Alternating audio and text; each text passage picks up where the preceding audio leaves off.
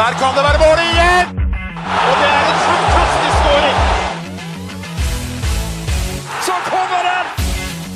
Vi er våre beste menn. Vi har jo en del vi skal gå gjennom i dag. Skal vi bare, bare kjøre på med episoden vår? Ja, la oss gjøre det. Kjør! Heia Norge. Heia Norge! Heia Norge.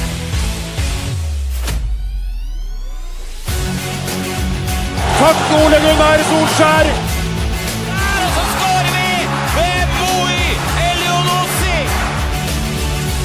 Rekdal skyter i mål! Og Norge leder 1-0! Så kommer den! Det er Tariq Elunussi som har sist på den! Martin Ødegaard! Hjertelig velkommen til alle våre følgere og lyttere der ute til det som er tidenes aller første episode 254 av Våre bestemenns podkast om norsk landslagsfotball. Mitt navn det er Jonny Normann Olsen. Og i denne ukas episode har jeg av diverse grunner blitt eh, tvunget til å styre skuta helt aleine. Men frykt ikke, folkens. Da setter man ekstra stor pris på at man har fått på plass en gjest som Elisabeth Almhjell i Stjørdalsblink sier er en fyr som leverer i podkast. Og det er Rasmus Semenseth Sandberg. Rasmus, takk for at du tar tid til oss i kveld, og ikke minst velkommen til podden. Tusen takk for det. Det er jo en ære å være her, og tar med det her som en stor bonus. Jeg. Ja, eh, vi var innom det før vi begynte her. Du befinner deg jo for tiden på ferie i Bulgaria. Det er vel kanskje litt deilig å få eh, lada batterier i det som kanskje har vært en travel fotballhverdag både i Stjørdalsblink og for Norge U21? Ja, eh, det er jo mange kompiser som har sagt at jeg har vært på ferie på EM òg, men det er fint nå uten press og, og få lagt beina høyt. Så jeg er på Sunny Beach med familien, så jeg vet ikke helt om det er en liten eh, klinsj der.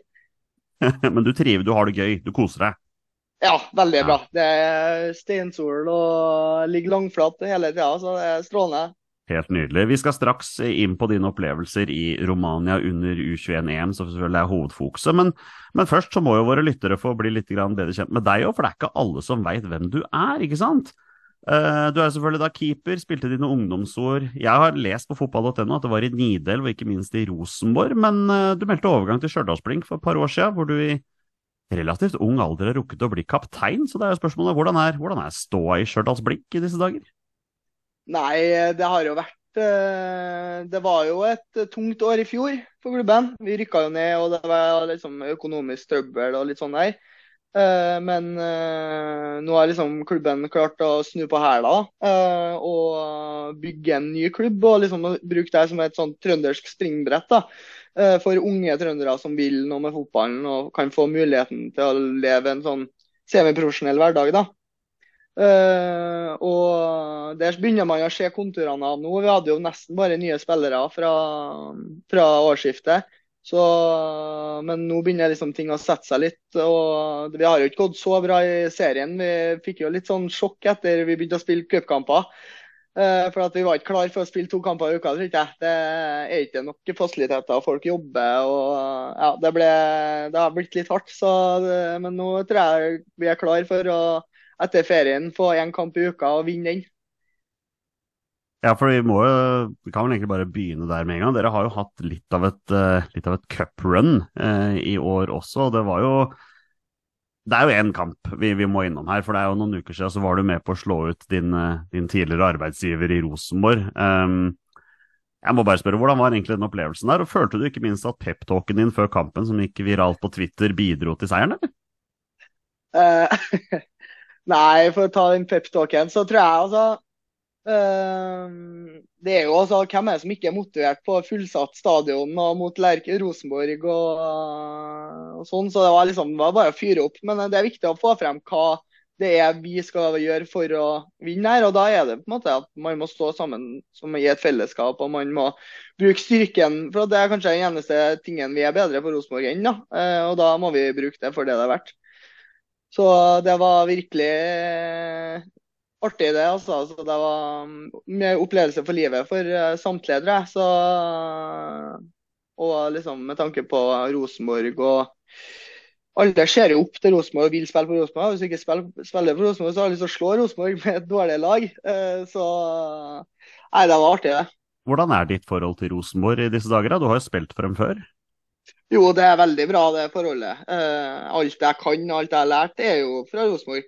Og det er der jeg gikk, liksom, ble skolert. Eh, og jeg er Rosenborg-fan og jeg er på fotballkampene og helst på Øvre Øst hvis jeg har muligheten. Så det er Rosenborg for alle pengene. Og jeg er trønder og veldig sånn kjærlig forhold til Rosenborg. Så, så var Jeg heier på Rosenborg i 99% av tilfellene, men den ene prosenten, da måtte jeg stå i mål for det andre laget. Og da ble det jo stor jubel og storming av banen. Du, du fikk jo dessverre ikke med deg neste runde, da, fordi du, du, var, eh, du var, i et annet land. Men eh, et lite cuprun ble det for dere allikevel, da. Vi må jo skryte litt av Stjørdalsblink når vi har muligheten til det. Eh, men du var innom det, jeg ser på tabellen her. Ellevteplass, ti poeng, bare to poeng unna nedrykk. Jeg tror ikke tredjedivisjonsfotball er aktuelt på Mus stadion, eller? Nei, og det tror ikke jeg. Det er, altså, vi har ikke en spillergruppe som er dårlig nok til å rykke ned heller. Jeg tror bare det ble litt Vi har tatt lite poeng etter vi begynte å spille cup, for vi, hadde ikke, vi har ikke ressursene. og uh, Det ble for mye, rett og slett. Og da satsa vi på cupen. Og det gikk jo bra i og for seg. Så jeg tror når vi kommer tilbake etter ferien og får lagt, liksom, komme litt i gang igjen, så tror jeg en kamp i uka passer oss greit. Det er jo rimelig absurd å se liksom Levanger, da på, på topp med elleve seire elleve mulige. Hva i all verden er det de gjør riktig i år, liksom? Nei, de har jo en spillestil som er veldig sånn kollektiv, da. Eh, og de eh, står virkelig ved den spillestilen, så det er kult å se at hvor lojale de er. Eh, og de har virkelig klart å sette den kulturen da, utpå her. Eh, og de har jo ikke avgitt poeng ennå, så det er bra for trønderfotballen at Levanger gjør det godt. Så ja, all honnør til dem. Ja, Det er alltid vi gir Levanger i dagens episode, føler jeg. Det er ikke det vi skal, det vi skal snakke om. Um, du, var litt, du, var litt, innom fjoråret her, og det er klart, for meg som Skeid-supporter, så er det jo Så var jo fjoråret litt bedre enn det var for deg, selvfølgelig. Uh, men samtidig så er det litt morsomt for meg som Skeid-supporter at dagens hovedtrener i Stjørdalsblink er en levende legende i Skeid. Det er nemlig Odd Karl Stangnes. Kan ikke du fortelle meg litt hvordan er han som trener? Jo, Odd Karl er helt fantastisk. Han uh, har jo litt sånn uh, veldig sånn uh, offensiv spillestil. Da. Veldig sånn 4-3-3. og Vi ser jo mye Bodø. og liksom, det her er måten vi skal løse det på. Vi vil ha ball og vi vil styre kamper. Og han har jo vunnet alt av kamper i Sverige. så han eh, er en vinner, og han er flink til å få en kultur der det vinnes mye kamper. Eh, så han har vært veldig viktig for Stjørdalsblink i år. Eh, og så, er han veldig flink til å se folk, da. og det er jo en egenskap som man kanskje undervurderer litt. Men at han, hvis han benker noen, så tar han den praten. Og han skjønner at det er kjedelig å bare spille 15 minutter hver kamp, eller, eller han ser personen i gruppa, og da får man en sånn nære relasjon som, eh, som er veldig positiv. Da. Og en av de bedre relasjonene jeg har hatt med noen trenere, egentlig. Fordi at han er veldig sånn ekte. da. Bare håpe at uh, Stjørdalsblink tar litt flere poeng utover, så dere i hvert fall berger plassen. Vi kan ikke ha noe at Stjørdalsblink rykker ned med det flotte nye stadionanlegget som dere har og sånn også. Um, nå må vi prate litt landslagsball her, Rasmus. Du, uh, du har jo landskamper på G17, G18 og G19-nivå. Uh, eh, men sistnevnte var helt tilbake i 2019, og jeg har forstått det slik at du har vært igjennom det vi kan vel karakterisere som et aldri så lite skadehelvete? Ja, altså siden jeg, siste kampen jeg spilte var en sånn covid-treningskamp i 2020. Uh, og siden det har jeg nesten bare vært skada. Uh, så det har vært tre tøffe år sånn sett. Eller sånn Uh, sportslig tøffe, i hvert fall. Det har ikke vært noe sånn uh, heidundrende sesonger. Jeg har fått liksom sju-åtte kamper i sesongen. Og det har jo ikke vært uh, positivt. Uh, men uh, jeg har liksom klart nå heldigvis å få henta de marginene jeg kan da, i den skadeperioden. Altså, du får ikke bidratt så la oss si et lag da, så får du ikke bidratt så mye på fotballbanen, men du kan fortsatt bidra veldig i garderoben. Og du kan være en trykkavleder og en ventil da, i gruppa, selv om du ikke spiller, men du er der for gjengen. da. Eh, og det har jeg tatt veldig innover meg den perioden her da, og prøvd å utvikle. Og, og jeg tror kanskje det kom meg til godt når Smerud tok ut laget òg. Ja, du er jo bare 22, så du har jo på en måte framtida foran deg også. Ehm, jeg vil tro at ambisjonene er der, at eh, det er ikke Stjørdalsblink som er endestasjonen. Nei, jeg har lyst til å spille europafotball. Det er det jo ingen tvil om. Så, så, men jeg trives veldig godt i Stjørdalsblink, og jeg verdsetter veldig det kameratskapet jeg har der òg. Det handler om å finne gleden i det nivået du er på, og så ta det derfra. Jeg tror europafotball på Stjørdalsspring kan bli vrient, altså, så da må man kanskje ut og flytte litt på seg etter hvert. Um, All right, det er på tide å snakke U21-EM her, Rasmus. Um, det var vel i mai, da satt jeg eh, foran skjermen og fulgte med på pressekonferansen når Leif Gunnar Smerud skulle, skulle, annonsere troppen som skulle være med til Romania og Georgia. Og jeg må være ærlig med deg, Rasmus. Jeg klødde meg i huet og gikk rett på Google-maskinen når han annonserte tredjekeeper Rasmus Sandberg, for hvem i all verden er Rasmus Sandberg? Men jeg har vel forstått det litt at du blei vel litt overraska sjøl over den beskjeden? Ja, jeg satt nå og fulgte med egentlig i hovedsak fordi at eh, kompisen min eh, Vålen, kan man si, som jeg spilte med i Rosenborg, han sa liksom jeg er litt i kjølvannet av et uttak her, og vi snakka litt om det tidligere. Og så tenkte jeg må inn og se om varen blir tatt ut. Og så første slide så dukka mitt eget navn opp, så det var århundrets overraskelse. Hadde du ikke fått noe som helst hint på forhånd om at du kom til å være med i troppen? Nei, jeg har fått eh, Det var liksom Det var nevnt, da. Eh, at ja, du er liksom potensiell, men Og så Da tenkte jeg av en seks-sju keepere, liksom. Og jeg så ikke for meg sjøl som i hvert fall ikke noen sportslig deltaker. Så jeg tenkte liksom at ja, artig at du sier det, og ja, kult det, men det er artig at det er en mulighet. Det skjønner jeg jo, jeg er jo under 21, liksom. Men ikke noe mer enn det. Så så det var et sinnssykt sjokk, og det var opplevelse for livet. Du har jo liksom det som veldig mange norske fotballsupportere har karakterisert som to av de største keepertalentene i landet med deg ned. Da. Og da må vi ta et spørsmål som kommer fra Mads Ranum her. Hvordan er det å være tredjekeeper, og hvordan er det å mentalt dra på trening og kamp med U21-landslaget, og ikke minst til EM, når du veit at det er mest sannsynlig ikke blir spiltid? Jo, det Altså som du sier, da, så var det litt sånn definert at uh, jeg gikk ikke ned dit med store ambisjoner. Det var noe, jeg meldte nå litt at uh, siden vi slo Rosenborg, at kanskje det var håp, men uh, det var vel mest for humoren. så Nei, sånn mentalt så er det jo det eneste måten du kan bidra her òg, det er jo litt som å være skada. At du må være litt sånn pressaleder og, og gå inn for å få det beste ut av gruppa på en eller annen måte. Da. Eh, og da, Det er litt samme rollen som tredjekeeper. at du, du må bare prøve å være der. for altså, Er det å hente en kald klut for at det er litt varmt, eller er det å fylle opp sportsdrikke eller eh, klappe en på skuldra? liksom. Men det er mange jobber som kan gjøres for at prestasjonen blir bedre. Og det er jo litt det du må innstille deg på da, som tredjekeeper i mesterskap. At det er det der du skal gjøre. Du skal På trening så skal du komme med humør og lette opp litt for dem som er benka og kanskje syns det er kjedelig. og så og så skal du prøve hele tida å være en positiv forsterker. da. Eh, og det, det, passer meg bra. Jeg syns det er artig. da. Jeg synes jo det, Hvis jeg får et smil jeg, og får én spiller 1 bedre, så, så er jeg veldig fornøyd. Så det følte jeg tror vi henta noen prosent der, i hvert fall. Og så er det jo noe å tenke på at når den dagen kommer og du skal legge karrieren på hylla, så er du en av få fotballspillere i dette landet her som kan skryte av å ha vært med i en U21-EM-tropp. Altså, det, det, er ikke mange som får muligheten til å være med på det. Og det må jo være noe du tenker etter hvert at ja, det var ganske gøy det der.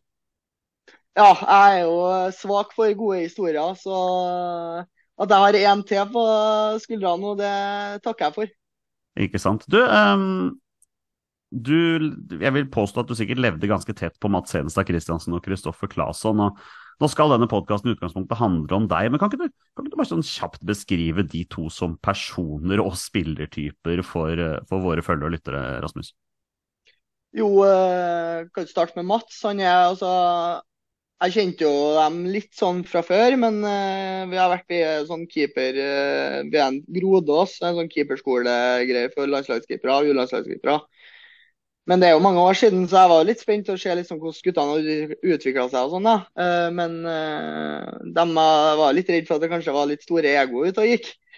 Men uh, ikke i det hele tatt. Det har vært virkelig overveldende, den responsen jeg har fått i keeperteamet. Og vi har vært veldig sånn down to earth og god stemning på trening. Og, Og det var veldig sånn Det var imponert egentlig over profesjonaliteten til guttene og hvor nø nøkterne og jordnære de egentlig var. da. Eh, for at det, eh, de har eh, hatt gode prestasjoner.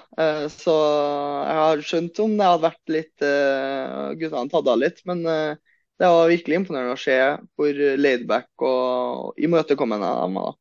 Vi, eh, vi, skal innom begge to litt seinere her, for det er jo noen situasjoner som skjedde i EM som vi, vi må innom. Men uh, hele opplevelsen, altså hvordan, hvordan, du liksom, hvordan opplevde du hele teamet rundt landslaget på i EM? Liksom? Følte du at det var, var det et profesjonelt nok opplegg? Følte spillerne seg ivaretatt av NFF og trenerteamet? Altså, hvordan syns du selv opplegget rundt mesterskapet var?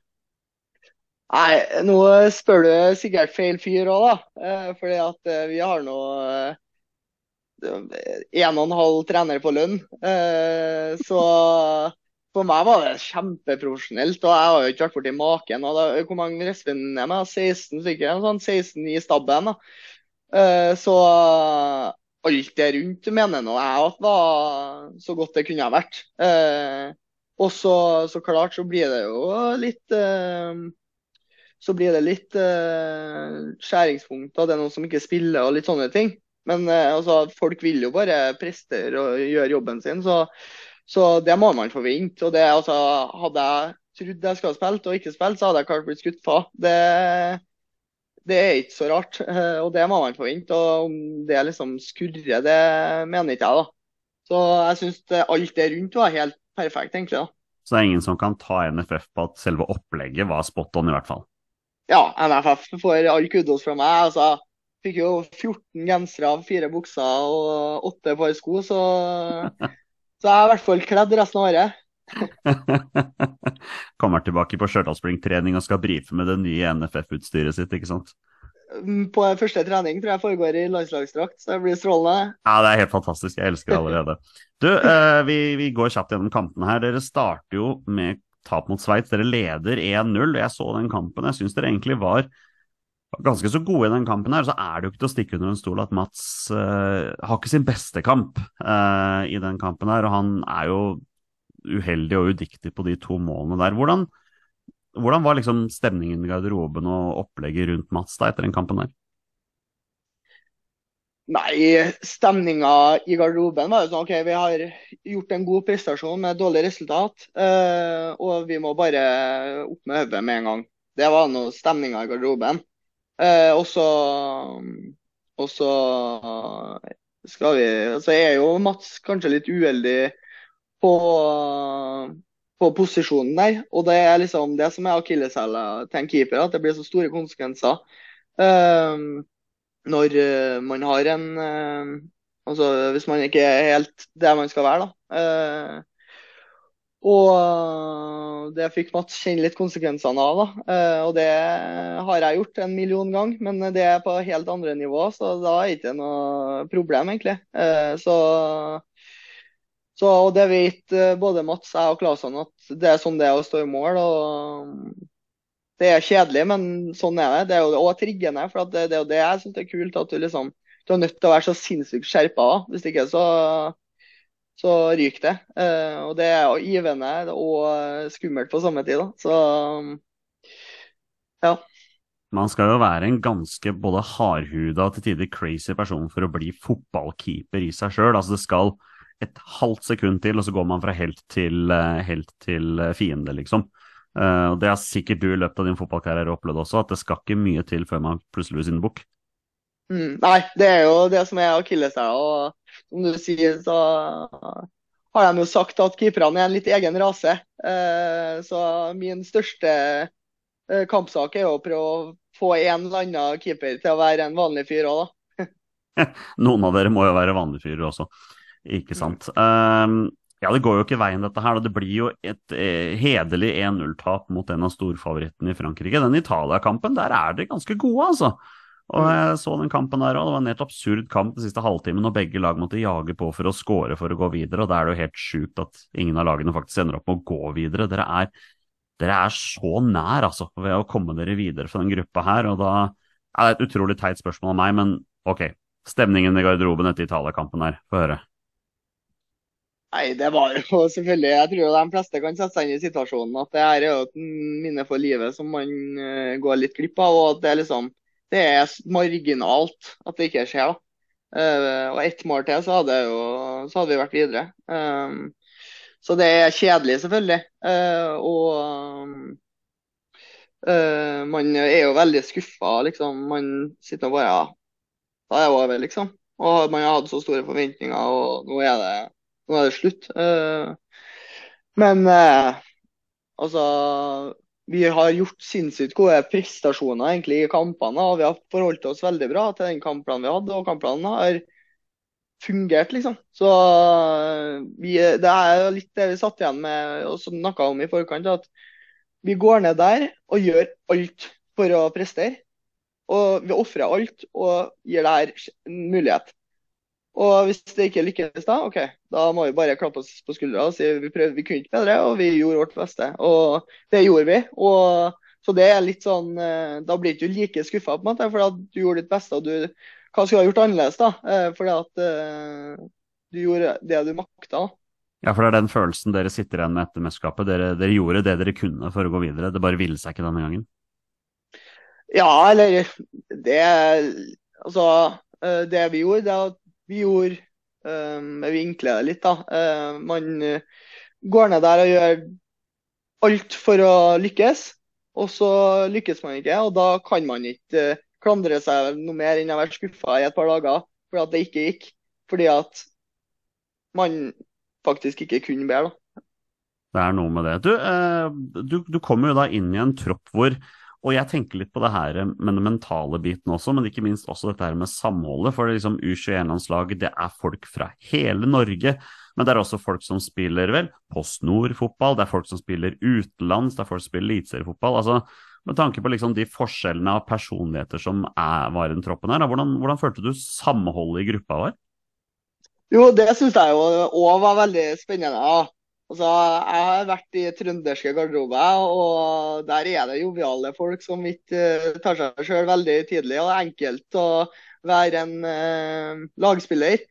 Så jeg var litt spent på hvordan det her skal uh, løse seg. Uh, men ref det jeg snakka om i keeperteamet, så er det samme i spillergruppa. At det er veldig sånn jordnære og fine folk som som er veldig sånn um, de, Vi satsa jo litt på det at vi er ikke bedre enn uh, Italia på papiret.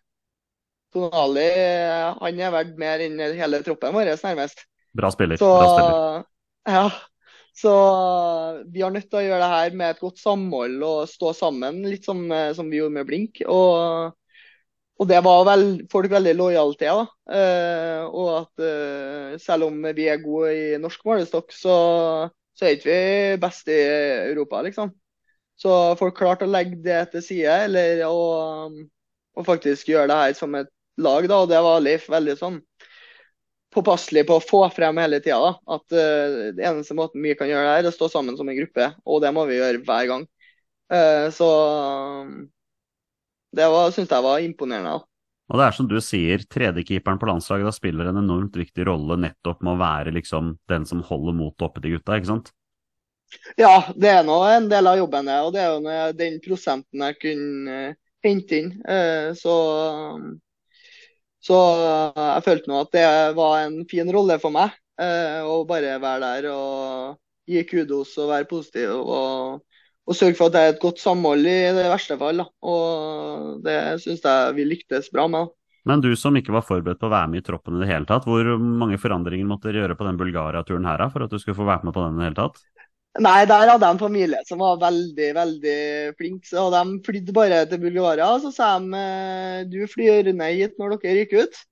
Og så ordner det seg. Så, så de flydde jo eh, Det var en times flytur unna, liksom. Så det var veldig, veldig bra når dere ryker ut. Det var ingen i familien Sandberg som hadde trua på EM-gull til Norge, altså.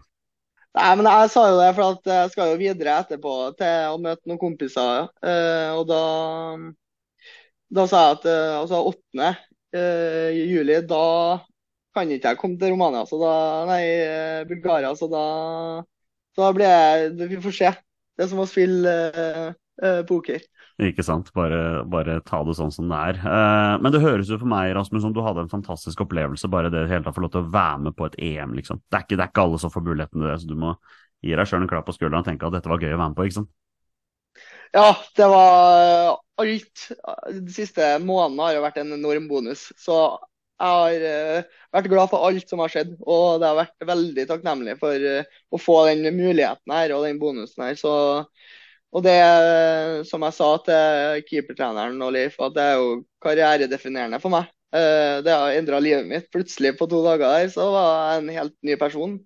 Så offentlig i hvert fall. Så det var virkelig eh, givende. Og her sitter du i Norges beste og eneste landslagspodkast og prater, og for en måned siden så var jo ikke det aktuelt, ikke sant. Nei, det er helt fantastisk. Så det er jo en ære å få være her. Det, det er stort for meg. Sånn skal det være. Du, eh, vi skal straks gå gjennom en haug med lytterspørsmål, for jeg har fått så mye rart her. Men vi kommer ikke unnom, Rasmus, denne keepersituasjonen som var i EM. For det blei mye diskusjon her hjemme i forhold til hvilken keeper som skulle stå, at Mats var litt uheldig der, at kanskje Leif også var litt uheldig med en uttalelse her om at det var avtalt på forhånd hvem som skulle stå de to neste kampene. Nå har ikke jeg tenkt å skaffe deg noen fiender i NFF eller noen sånne ting, men, men har du muligheten til å uttale litt om hvordan du opplevde keepersituasjonen, sett sånn innifra? Ja, selvfølgelig kan jeg uttale meg om det. Eh, men eh, jeg har ikke noen sånn eh, nyhets- eller toppsak å meddele. Jeg var jo på en måte den, Det er jo en sak mellom eh, Claesson, Mats og Leif, og de har jo hatt møte mellom dem. Eh, og valget er noe på en måte Man har jo forskjellige godføtter og forskjellige styrker. og Mats har spilt kjempebra for Lillestrøm nå i ett og et halvt år, og, eller to, enda lenger, enda lenger, men spesielt nå siste perioden da, har han vært eh, helt strålende og stått fast hele veien. Så jeg skjønner jo godt at, um, at Mats var den spilleren som var mest i flyt og skulle stå første kampen. Eh, og så har eh, Claesson stått nesten hele kvaliken og har vært keeperen på det laget. Så at det var et vanskelig valg, det tror jeg det er vanskelig å fraskrive seg. Eh, så ja. Og så uttaler Smerud seg jo da etter kampen at det var avtalt på forhånd at det var Claesson som skulle stå kamp nummer to der, og det virket som Mats var litt overraska over. Var, var, dere andre overraska også over den uh, uttalelsen der? Uh, ja, altså vi, vi, alle er jo forberedt på at man uh, rullerer på et lag i løpet av et uh, mesterskap. og og det som var litt uheldig, var jo at Mats, det kom litt uforventa på Mats, i hvert fall på NRK. Og det var litt sånn uklart akkurat der, da. Eh, og da ser det dumt ut, men det var egentlig tror jeg, en ryddig prosess. Men uh, jeg vet ikke for mye. Jeg la meg ikke så mye borti heller, egentlig. Jeg var mest der for å liksom gi støtte og være positiv, så ja. Diplomatisk korrekt uttalelse fra Rasmus Sandberg der, dere. Han, han vil ikke si sin mening. Og det er greit, Rasmus, vi respekterer det. Vi skal, vi, skal, vi skal, la det være. Vi hopper videre på masse spørsmål. Det er flere folk. Asbjørn, Emil Almås og Ærlig RBK er flere som spør om dette her. Når kommer du tilbake til Rosenborg? ja, nei, det er jo en barndomsdrøm å spille Rosenborg. Det er jo det jeg har eh, jobba for, og det var det som var planen min den gangen jeg gikk til Blink eh, for tre år siden. Eh, så det er absolutt en glede. Og jeg er jo som sagt Rosenborg-fan, så det har vært virkelig stort for meg å kunne ha gjort det. Men uh, det er vel litt uh, opp til meg nå. Jeg har et og et halvt år igjen i Blink, og det er jo en kontrakt som jeg skal forholde meg til. Og, og jeg trives veldig godt der jeg er nå. og Vi får se hva som skjer. Men åpner muligheten seg, så er jeg veldig glad i Rosenborg i hvert fall. Hva er det som er galt i Rosenborg for tida? Nei, det er jo så vanskelig å si, men i hvert fall det jeg reagerer litt på, det er jo at uh, jeg er jo ikke innad der. Uh, men det jeg liksom kunne ønska, er jo at man har en litt mer sånn utad Man ser jo Jeg syns jo det er veldig artig med trønderne der nå. Eller ikke artig, men det er veldig sånn stolt da, overfor måten de står frem på. Reitan, Markus, Olaus er, Folk går foran og har ryggrad og viser at uh, det er dritt, men vi står støtt, liksom. Og Det syns jeg de skal ha veldig kudos for. og håper at uh, de får veldig kudos for det i Rosenborg nå. For de står virkelig i det. Og, og jeg håper at de har en kultur som hvor man faktisk virkelig bryr seg om klubben. Eh, og har sånne personer at de har en sending som gjør at resten òg virkelig bryr seg om klubben. Eh, og bryr seg om samholdet. For Rosenborg er ikke et springbrett. Rosenborg er en norsk toppklubb som skal spille i Europa hvert år.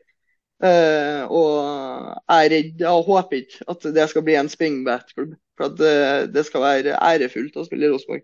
Det er et veldig godt poeng, men samtidig så er Rosenborg også en klubb som per dags dato er fire poeng unna nedrykkskvalik. Men uh, klart, uh, nedrykk er vel ikke noe som går i veggene på Lerkendal, er det det? Nei, det vil jeg ikke anta dem.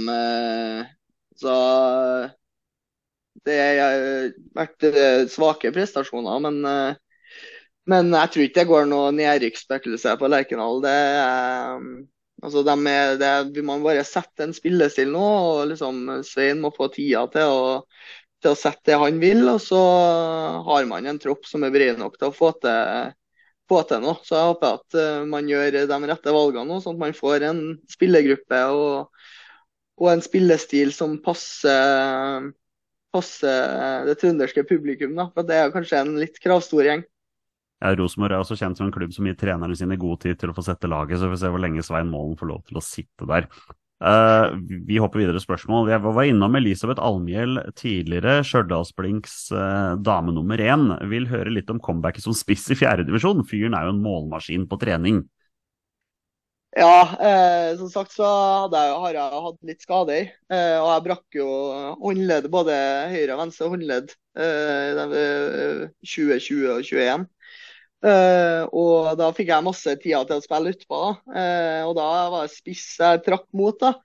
Uh, og altså, Jeg gjorde ikke meg bort på trening, vil jeg påstå. Altså. Så, og plutselig så skulle jeg få spille en blink to-kamp der.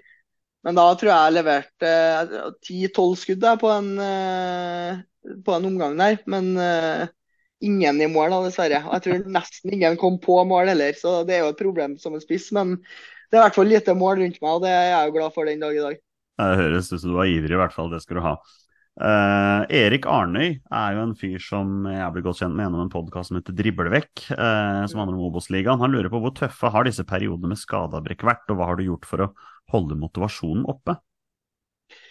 Jo, det har jo klart det har vært tøft. Eh, det har vært uh, veldig sånn kjedelig å ikke få holde på med det du syns er artigst i hele verden. og men så etter hvert så innså jeg det jeg faktisk syns er veldig artig, det er jo det kameratskapet og den gjengen. Å ha muligheten til å være med 25 personer som du deler et felles mål og interesser med, og er på bølgelengde med. da. Uh, og det var veldig givende for meg når jeg fant ut det, at uh, det er jo det som er nøkkelen her. Uh, det er jo det som er artig. Det er jo å møte opp med guttene og, og prøve å bidra for å gjøre noe sammen.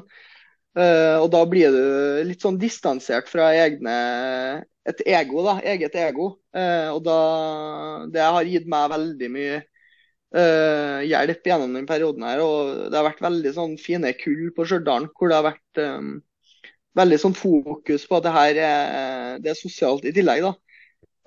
og det, er, det tror jeg er liksom nøkkelen man må ta med seg inn i toppfotballen når den tida kommer òg. At uh, man må ikke glemme at uh, kanskje den største styrken man kan skape, det er et samhold via, via en gjeng. da.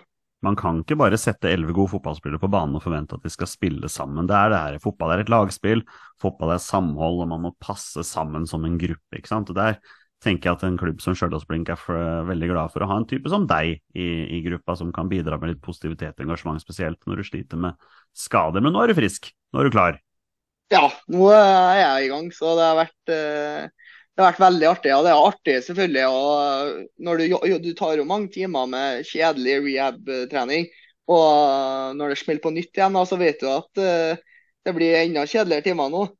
Men da er det veldig artig å komme tilbake igjen og faktisk kjenne at eh, det her er jo verdt det. Hver dag. Det altså, jeg hadde tatt samme ruta hver gang, hver dag igjen. For at det gir så mye, da. Uh, og i hvert fall når du spiller i tillegg. Da har det vært uh, virkelig, virkelig gøy. Ta det fra en fyr som sliter med knærne sine. Ta vare på kroppen så lenge du kan, og, nyt det så lenge det varer. Uh, Elias Koppen lurer på gir han seg selv fortsatt straffeburpees på trening? Ja, det hadde jo Elias Koppen i Nidelv, eh, og var veldig heldig som eh, fikk en veldig dyktig keepertrener tidlig. Eh, og det har jo, det er sånn, Der fikk jeg et steg foran som jeg bare har fortsatt på. Uh, og det jeg, der var jeg heldig, rett og slett. Uh, og da var det oppmøte hver lørdag klokka ti. Og så var det keepertrening, da. Og så var det alltid straffeburpees om det var et eller annet tull, da, om det var bom på en volley, eller om det var litt skjev kommentar, eller whatever. Så var det alltid noen straffeburpees. Jeg gjorde kanskje Jeg tipper jeg redda mindre skudd enn gjorde burpees. Så det var fine år med Elias, det. Burpees er jo forferdelig. Det er ingen som liker burpees. Nei, og Det er ikke relevant til fotball i det hele tatt heller, så jeg vet ikke hvor han fikk det fra. Men han hadde vel noen frustrasjoner han måtte få ut. Tortur, kaller vi sånn. Uh, Remi Sjøbakk lurer på hva er det gøyeste du har opplevd så langt i karrieren? Ja, jeg har opplevd mye artig. og altså Rosenborg var jo selvfølgelig en uh, stor del av det. Og så har jeg jo spilt EM eh, tidligere med U17, og det var veldig artig. Og så har jeg Men jeg tror nok den Rosenborg hva skal man kalle den kampen der, det var virkelig morsomt. da, Og den festen etterpå ble ikke så halvgæren, den heller. Så så det tror jeg nok er noe av det artigste jeg har vært med på. Hvordan gikk den påfølgende seriekampen etter den uh, cupen der, husker du det? Nei, Det var synd at den kom tre dager senere. Det er jo litt det vi snakka om, at uh, vi tåler ikke to kamper i uka. I hvert fall ikke hvis vi skal feire etter hver kamp. Da blir det et problem. Ja, det er godt man ikke møter Rosenborg hele tiden. Uh, Jøgga lurer på hvorfor stilte du ikke på Cha julecup som keeper for tre-fire år siden? Her må vi ha litt kontekst. Cha julecup. Ja. Ja, Sja julecup er jo eh, nummer én futsalcup i eh, kanskje Norge, eller? Okay. Hvor eh, trønderne kommer hjem og spiller futsalcup med liksom alle mulige folk. da. Eh, og her er det så to Det er så Gjermund Aasen, Pål André Helland, eh, eh, Eggen, Løkberg. Uh, og så har de flere spillere fra futsallandslaget som er liksom Amigos, da, som er topplaget. De vinner hvert år. Ja. Og så har vi da uh, diska opp med et lag som er liksom um, vår generasjon sin Rosenborg-gjeng, da, med Båren Kamanzi, Theodor Haltvik uh, og flere. Uh, Philip Brattbakk, blant annet. Og flere profiler fra vår generasjon. Da. Vi venter jo på det året hvor vi slår Amigos. da. Eh, men eh, det har ikke skjedd ennå. Og vi, det, blir, det, er like bittert hvert år. Eh, men det er jo en fantastisk cup hvor alle kommer hjem da, og er liksom i hallen der, og det er bra liv. og Man møter jo kompiser fra alle mulige. Det er jo ikke bare fotballspillere der, det er jo alt mulig. Og det er jo det som er artig. Så det har vært, Men vi har tatt mot Amigos nå i fem år på rad, tror jeg. Så de har oss litt i kne. Eh, men det året der så så var det altså, Da tror jeg det var tredje juledag. Eh, og eh, vi skulle spille cup. og så så jeg at det blir ikke noe av. Det jeg vet ikke guttene. For guttene, Da meldte jeg inn at jeg var syk. men så stakk jeg på spontan hyttetur med dama i stedet. Eh, så at, eh, at det her skal treffe lyset, eller treffe Ja, det håper jeg egentlig ikke, men eh, det spørs om jeg er avslørt. Fordelen for deg, Rasmus, er at dere blir jo bare bedre, mens Amigos blir dårligere. Ja, det er jo det vi sier til dem òg, at vi stresser ikke om det her, og det her tar vi bare med alderen. Men de sier at når alle guttene kommer hjem, skal de begynne å spille futsal sammen. Og da kan vi jo få et problem. Så jeg tror vi må bare innstille oss på at uh, i år er året. Det er noe de bare sier det, vet du. Det er ikke, det er ikke noe sannhet i greiene. uh, fotballprinsen lurer på om oppmerksomheten fra damer har endra seg de siste ukene? uh, ja, det har jo vært litt ekstra oppmerksomhet, det har det. Uh, og det har det jo vært på alle fronter. Så det har vært artig, det. Men vi har jo vært, jeg har jo vært borte siden den ekstra oppmerksomheten kom. Så, men eh, jeg tror vi fortsetter med det. At det har vært, eh, det har vært litt ekstra. Men ja. Eh, ja. ja. Men når du begynner å sprade rundt i Stjørdal med landslagsdrakten på, så kommer de, vet du. Kom, ja, kom, kom. det går godt på sportsfaren da. Mats lurer på tanker om den nye Nidarvoll-skolen? Ja, nei, det er nå eh, en ny, stor skole som skal bygges der, da. Der er oppvokst, da. Eh, og tanker om den. eh, Det blir jo positivt at eh, ungene får en plass å leke. Uh, utenom det så vet ikke jeg helt. det er ikke bare de mest relevante fotballspørsmålene som kommer her, skjønner jeg. Men, det Nei, men eh, svaret er ja. Mats lurer på hvor sterkt du savner Tempebanen. Ja, det er jo eh, barndomsbanen. det er moderklubben min sin bane, da. Eh, og den ligger jo Altså, Tempebanen, den ligger liksom et kvarter unna nærmeste Det er ingen som bor i nærheten av den banen, da. Uh, men uh, altså, den sykkelturen til og fra Tempebanen, den, uh, den står høyt. Så, men vi tror, jeg tror det blir viktig for oss å, å få gjenskapt den sykkelturen. For det var kanskje den som var artigst av alt. Det var det kvarteret til og fra trening der.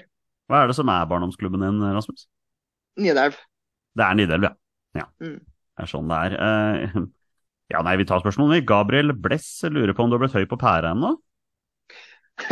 Nei, jeg er en enkelt enkel trønder, så det er ikke noe sånn å ta av for dette her. Eh, jeg syns hverdagen er fin, og eh, det har vært veldig artig å, å få oppleve dette her. Men eh, det blir deilig å komme tilbake til hverdagen nå. Komme tilbake på Stjørdal og lande litt og spille kamper. og, og komme tilbake på studier. og det, det er hverdagen min, og det, den er jeg veldig glad i. Så det er vel egentlig min reaksjon på det. Finnes det noe som er enkle trøndere, altså? Det var et uttrykk som var, var nytt for meg, altså. Men eh, dere fins vel dere også. Eh, Olai Årdal er jo Sogndal-supporter på sin hall, så han lurer på tror du at Sivert går til Wiggen og klarer å spille opp til Premier League, og blir Rasmus med på reisen? Nei, altså, jeg vet ikke noe internt eh, med Sivert, men eh, han er en fantastisk fotballspiller og en veldig sånn knak, bra fyr. Jeg har, var en del med han på samlinga. Og det smerter jo hjertet mitt litt, for han spiller jo i Molde. Så at det var et forhold der, det burde jeg egentlig ikke sagt offentlig. Men eh, men Sivert er en fantastisk bra fyr, og det snakka vi litt om òg, på, på litt uh, humors del. At uh, hvis han flytter, så flytter jeg gjerne etter. Og så bor jeg på en treroms og koser meg hvor enn det skal være. Han har vel forstått at han er Wiggen-supporter på sin hals, men jeg blir veldig overraska hvis Wiggen er neste steget for Sivert Mannsverk. Jeg vil håpe han tror at han sikter høyere enn det. Og Da får du bli med dit de skal, ikke sant. Ja, men du skal ikke kimse av å følge hjertet heller. Det skal få til ganske mye bra da. Ja, det har vært morsomt, faktisk. Um, Ole Litlabø Eikenes lurer på topp tre beste norske filmer gjennom tidene. Uh, norske filmer, ja. Er det er så mange av dem, da? det er mer enn tre, i hvert fall. Eh, ja. eh, jeg har liksom ikke noen sånn eh, norske favoritter eh, som jeg kommer på nå, i hvert fall. Nei, Men gi meg, meg eh, jeg kommer på tre, da. Så tar jeg Flåklypa, eh, Burning 1 og 2. Den, der redder du deg fint med Burning 1 og 2. Uh, Ja. ja, Flåklypa er vel fort tidenes film, så du, du, du safer der, altså. Ja, det er Eh, null risiko. Ja, Øyvind Herrebrøden i VG lurer på hva som er beste utested i Oslo. uh, ja, nei, vi eh, var jo hjemom en tur etter samlinga. Var hjemom og så flydd ned hit igjen. Og da skulle jeg med, ut med en kompis, og han skulle Jeg har ikke vært ute i Oslo før, så han skulle liksom eh, vise meg litt rundt, da. Eh, Så da var vi på flere plasser, og da møtte jeg jo hele VG-sporten på uh, Lavoté, tror jeg det var. Så Ah, der ble det i hvert fall veldig god stemning. Så det tror jeg vi må lande på da. Det var i hvert fall en, eh, det var en bra vibe der.